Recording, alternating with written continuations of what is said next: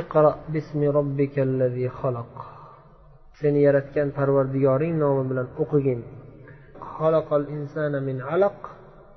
Alaqdan yaratdi insonni. Iqro robbukal akram. Eng buyuk eng ulug' zot bo'lgan parvardigoringdir. O'qigin o'sha nomi bilan o'sha allohni nomi bilan. Allazi allama bil qalam. Qalam bilan ta'lim berdi. Allamal insana ma lam ya'lam. Insonni bilmagan narsasi o'rgatdi. Insonga u bilmagan narsani olloh o'rgatdi deb shu oyatlar nozil bo'ldi. Boshidagi beshta oyat.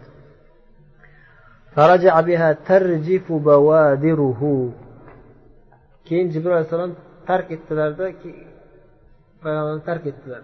Payg'ambarimiz shu hodisa bo'lgandan keyin titragan hollarida uylariga qaytdilar. O'sha kecha.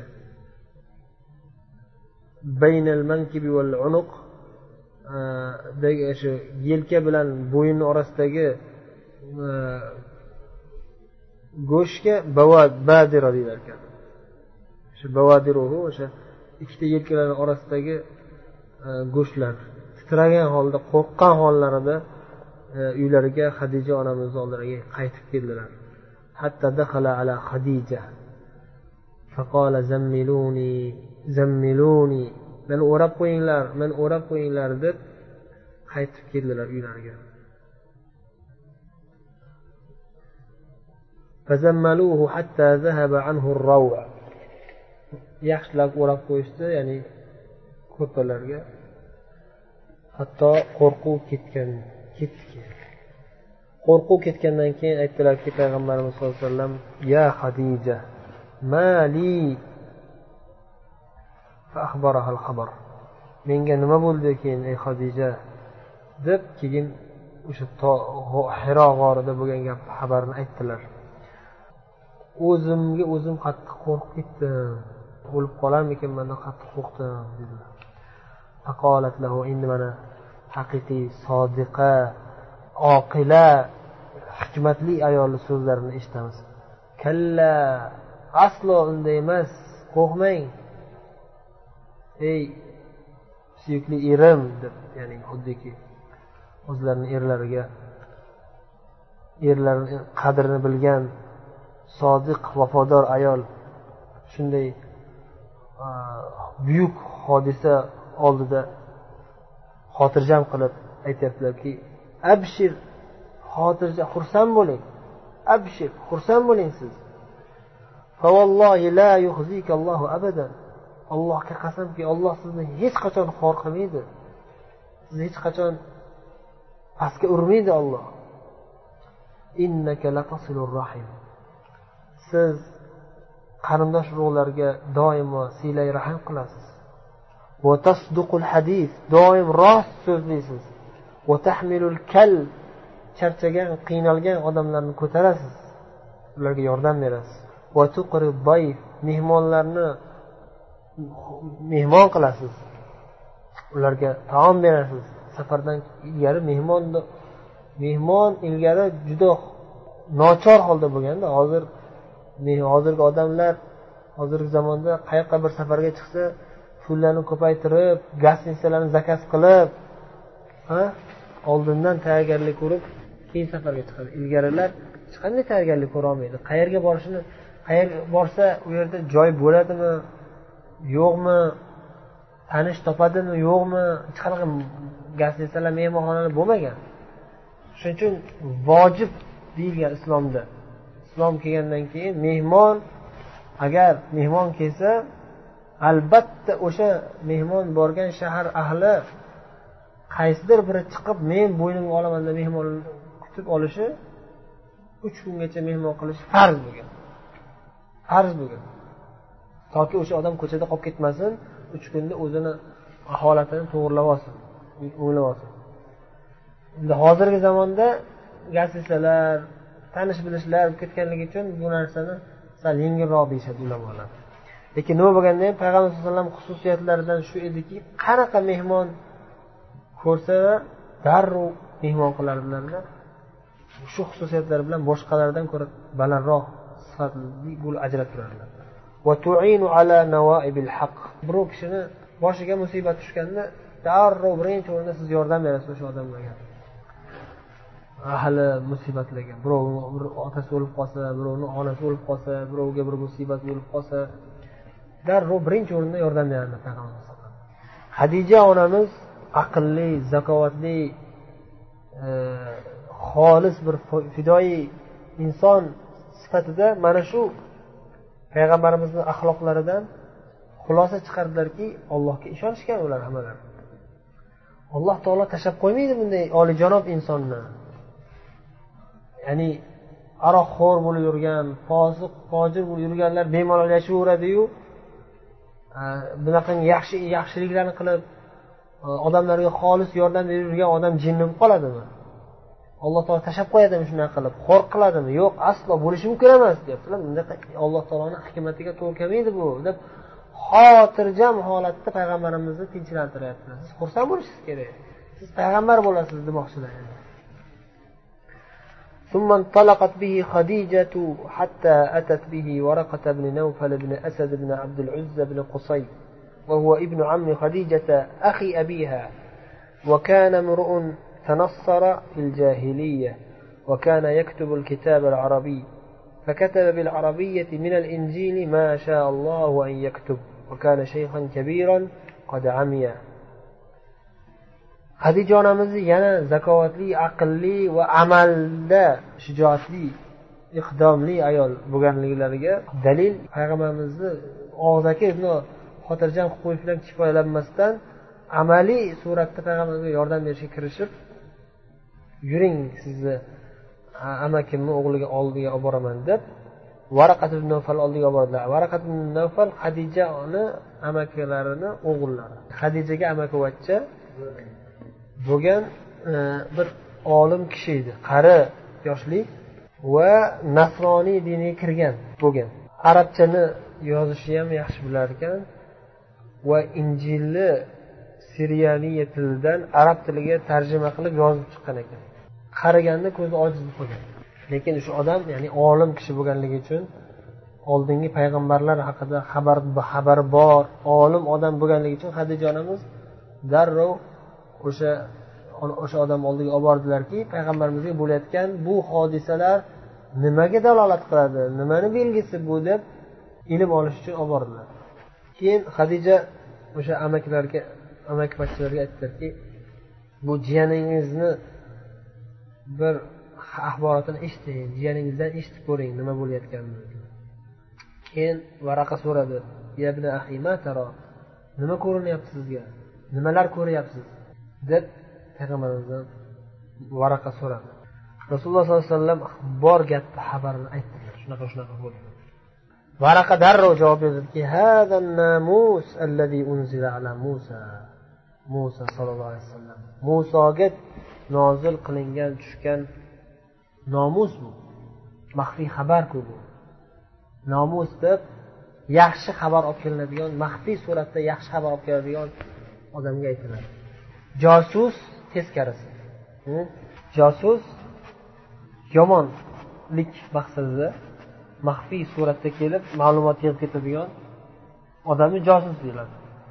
Nomus maxfiy suratda bir odam tarafidan yuboriladigan yaxshi maqsadda yaxshi xabar olib keladigan odamga nomus deyiladi bu nomus dedilar ya'ni alloh taolo tomonidan maxfiy xabar olib keladigan nomus bu dedilar jibril alayhissalomni laqablari ham deyishgan يا ليتني فيها جدعا أكون حيا حين يخرجك قومك qaniydi men yosh yigit bo'lsam jazaan degani yosh baquvvat bo'lsamu va tirik bo'lsam sani o'z qavming haydab chiqaradigan kuni.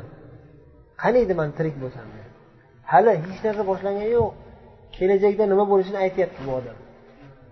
Chunki bu olim odam hamma payg'ambarlarni boshilariga nima kelgan nima bo'lgan ollohni sunnati hikmatini kitobdan o'rganganki qaysi payg'ambar payg'ambar bo'lib kelsa albatta o'z qavmi birinchi o'rinda unga dushmanlik qiladi. O'zini qavmi qarindoshi unga birinchi o'rinda qarshilik qiladi. O'shaning uchun aytyaptiki qaniydi men yosh yigit bo'lsamu va sening qavming haydab chiqargan kuni baquvvat yosh yigit bo'lsam senga yordam bersam degan. Juda tirishib bor kuchim bilan senga yordam beraman. Berardim agar tirik bo'lsa. Qari ko'zi ojiz qolgan odamlar. Payg'ambar hayron bo'lib ular hali mani haydab chiqarishadimi? dedi. Ishonmayaptilar nimaga? Chunki yaqinda o'ttiz besh yoshliklarida nima bo'lgan ko'rdinglar butun hammasi talashayotgan qora toshni hammasi muqaddas bu toshni man ko'tarib joyiga qo'yay deb talashayotganda hammalari yo bosh muhammadga bera qolaylik muhammadga ishonamiz deb hammalari hurmat qilishardi.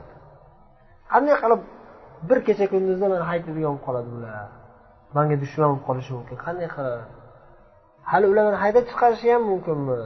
Deganda nam albatta. Lam yati rajulun qattu bima ji'ta bihi illa udiya. Senga o'xshab xabar olib kelgan hamma odamlar ya'ni payg'ambarlar albatta dushmanlikka uchragan. Unga qarshi dushmanliklar bo'lgan. Seni o'sha kuning ya'ni payg'ambarlikka payg'ambarligingni e, oshkor qilib da'vatingni boshlaganingda senga qarshi dushmanliklar bo'ladigan kuning kelganda agar men tirik bo'lsam men senga albatta yordam beraman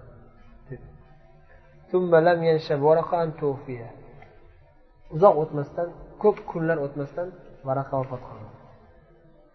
qarib qolgan odam vahiy vahiy fatratan bir qancha vaqtgacha vahiy ham to'xtab qoldi ya'ni jibril alayhissalom bir marta iqro surasini vahiysini olib kelganlaridan keyin ancha muddatgacha qaytib kelmadilar حتى حزن الرسول صلى الله عليه وسلم فيما بلغنا حزنا غدا منه مرارا payg'ambarimiz sallallohu alayhi vasallam vahiy uzilib qolgandan ham siqildilar hatto shu darajada siqildilarki o'zlarini tog'ni tepasidan o'zlarini tashlab yuboray o'zim o'zim o'ldirib yuborsammikin degan fikr kelgan ekan فكلما أوفى بذروة جبل, بذروة جبل لكي يلقي نفسه يبدأ له جبريل عليه السلام يا محمد إنك رسول الله حقا endi o'zlarini tog'i tepasidan tashlayman deganlarida har safar jibril alayhissalom ko'rinarkanlarida ey muhammad sen ollohni haqiqiy haqiqatdan sen ollohni rasulisan o'zingni bosgin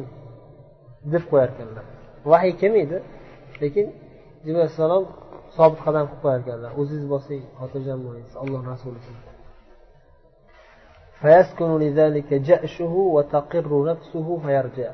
shundan keyin payg'ambarimiz xotirjam bo'larkanlar joylar fikr hayollari o'z joyiga qaytib uylariga qaytganlar.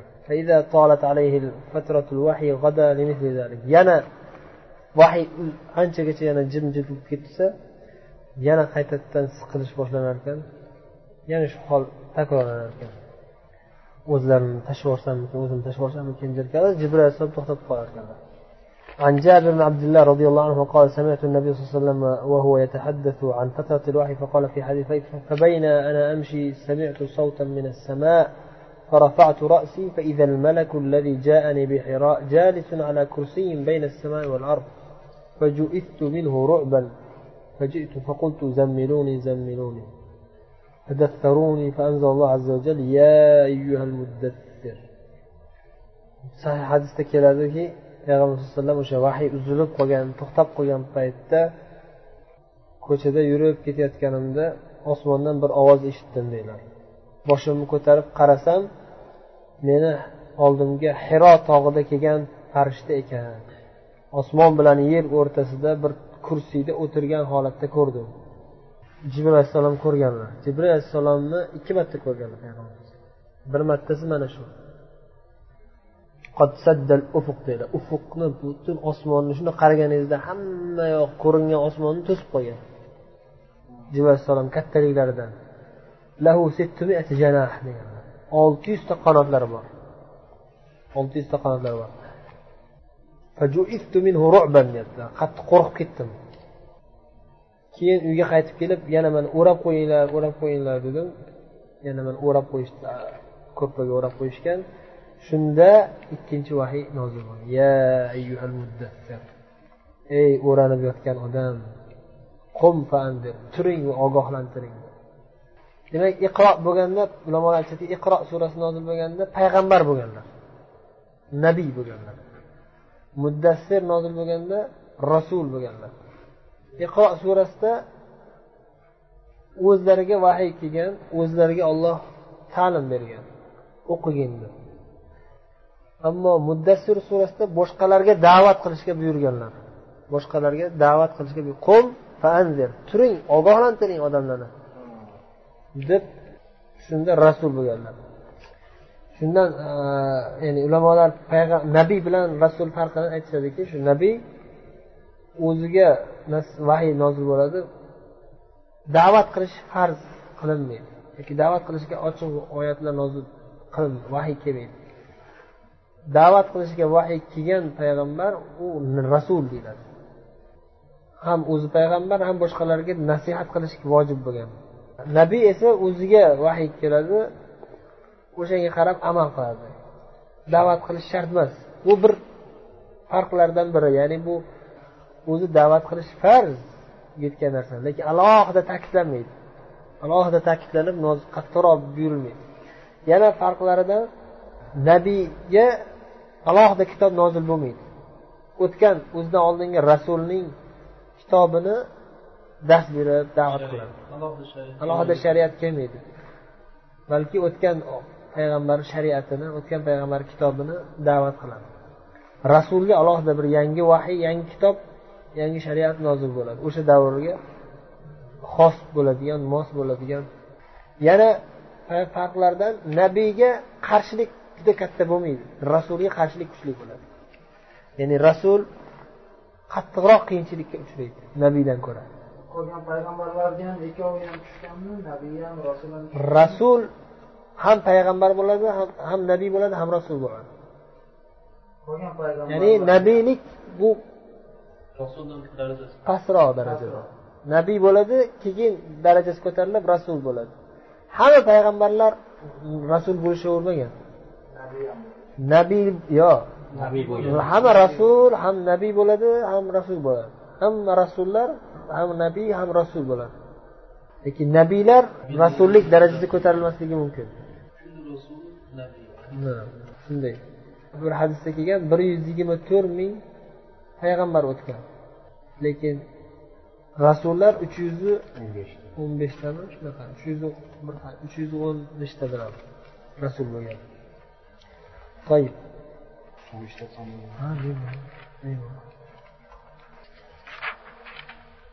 ذكر كيفية إتيان الوحي ozgina payg'ambarimizga vahiy qanday kelganligi haqida oysha roziyallohu anhu rivoyat qiladilar rasululloh sollallohu alayhi vasallamdan bir sahobiy so'radilar al harif ibn hisham degan sahobiy so'radilar sizga qanday vahiy keladi ey rasululloh deb so'raganda أحيانا يأتيني في مثل صلصلة الجرس وهو أشده علي فيفصم عني وقد وعيت ما قال ba'zida qo'ng'iroqning ovozidek qattiq keladi. Solsala temirni ikkita temirni bir biriga urushtirganda chiqadigan ovozga solsala ikkita temirni bir biriga urganda jarang jaranglab keladi. Eng qattiq kelgani shu deyaptilar. Vahiy kelib kelgandan keyin keyin alloh taolo shu mani qalbimga yodlattirib qo'yadi shu vahiyni.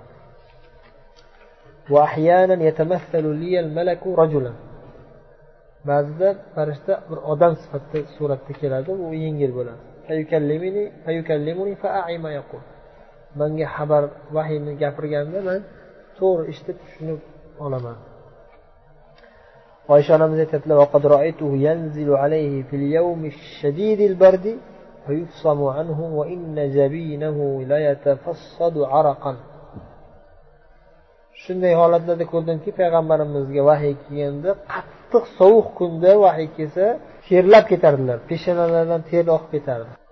Payg'ambarimiz sollallohu alayhi vasallam umraga ketishayotganda bir odam kelib bir narsa haqida so'raganda vahiy keladi javob alloh tomonidan alloh taolo tomonidan vahiy nozil bo'lganda umar haligi sahobiyga yala degan sahobiyga vahiy kelgan paytini bilsam edi degan sahobiyni chaqirib ana vahiy kelyapti qaragin dedi. shunda payg'ambarimiz chodirda o'tirgan bo'ladilar chodirga kallalarini kirgizib payg'ambarimizga qaraganlar haligi sahobiy فإذا هو محمر الوجه وجه يغط كذلك ساعة ثم سري عنه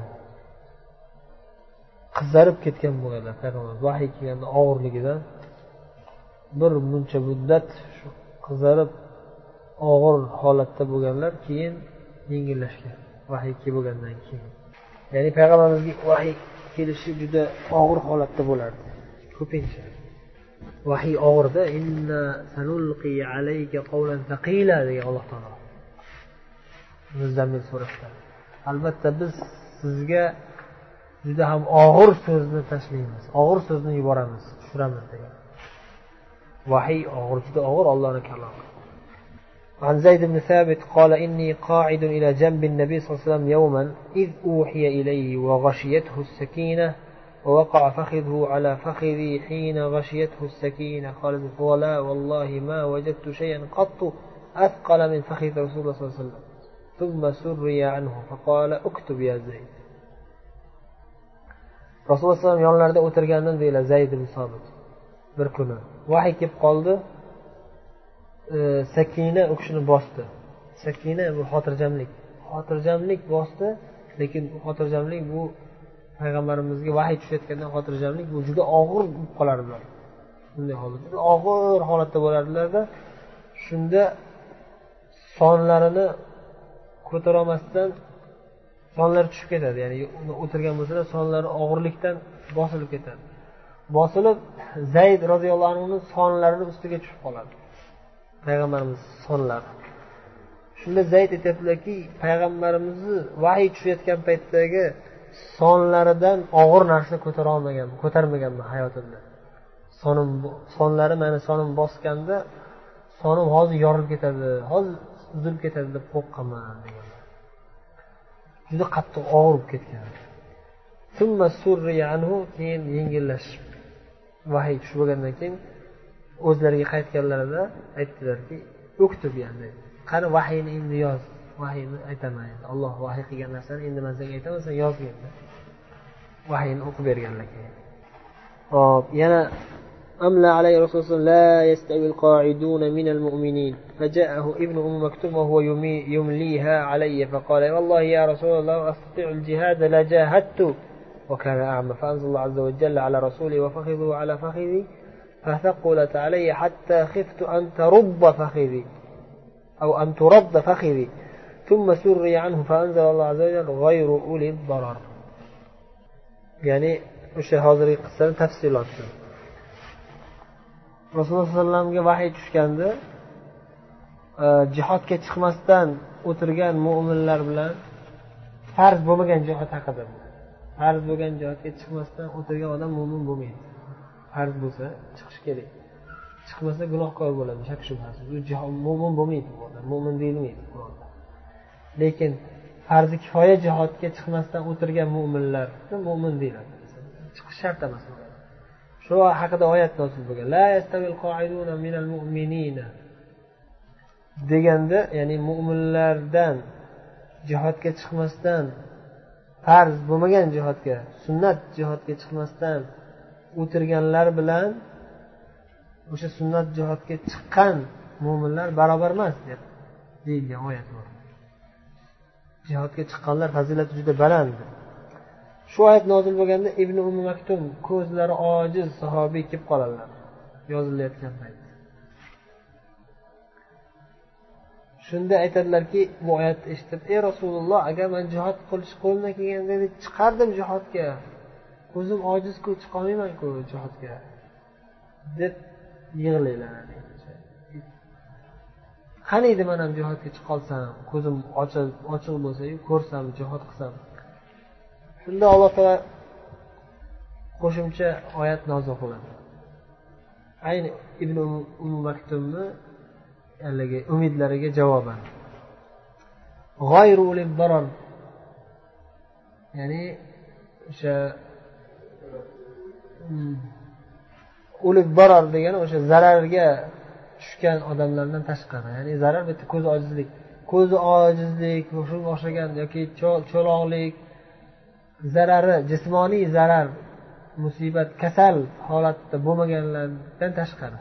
Endi ular ular o'sha jihodga chiqqanday savob oladi. Agar haqiqatda chin qalbidan jihod qilish niyatida bo'lsa xuddi jihodga chiqqanday savob oladi. Ko'zi ojiz odam masalan.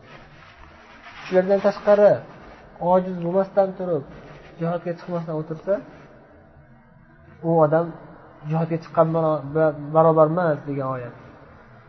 O'sha man yozayotgandim shu payt ibn umm ibn umm maktub kelib qolib shunaqa degandan keyin qo'shimcha oyat nozil bo'lganda mani oyoqlar e, sonlari mani sonim ustida turgandi.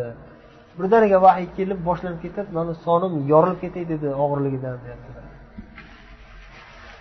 كان الرسول إذا نزل عليه وحي كرب له وتري تربد وجهه. قط قين لرلر ويزلر تربد. شو الله علم قزارب كتار دجان ينا بالحديث ترى رأيت الوحي ينزل صحابي أتتلر رأيت الوحي ينزل على صلى الله وإنه على راحلته فترغو وتفتل يديها حتى أظن أن ذراعها تنفصم وربما بركت أجر تيان أستاذ markablarni ustida bo'lib turgan paytlari nozil bo'lib qolsa vahiy bechora tuya qiynalib ketardi qiynalib ketib ko'tarolmasdan og'irligidan o'tirib olardi hatto yorilib ketib qoladiyu hozir tuyani oyoq qo'llari sinib ketadiyu deb qo'rqib turardi وربما قامت مؤبدة يديها حتى يسرى عنه من ثقل الوحي وإنه لا يتحدر منه مثل الجمال ya'ni payg'ambarimizga vahiy kelganda o'sha terlab ketardilar terlari xuddi marjonlardek yaltirab yaltirab tomardi peshonalarida hop shu yerda to'xtaymiz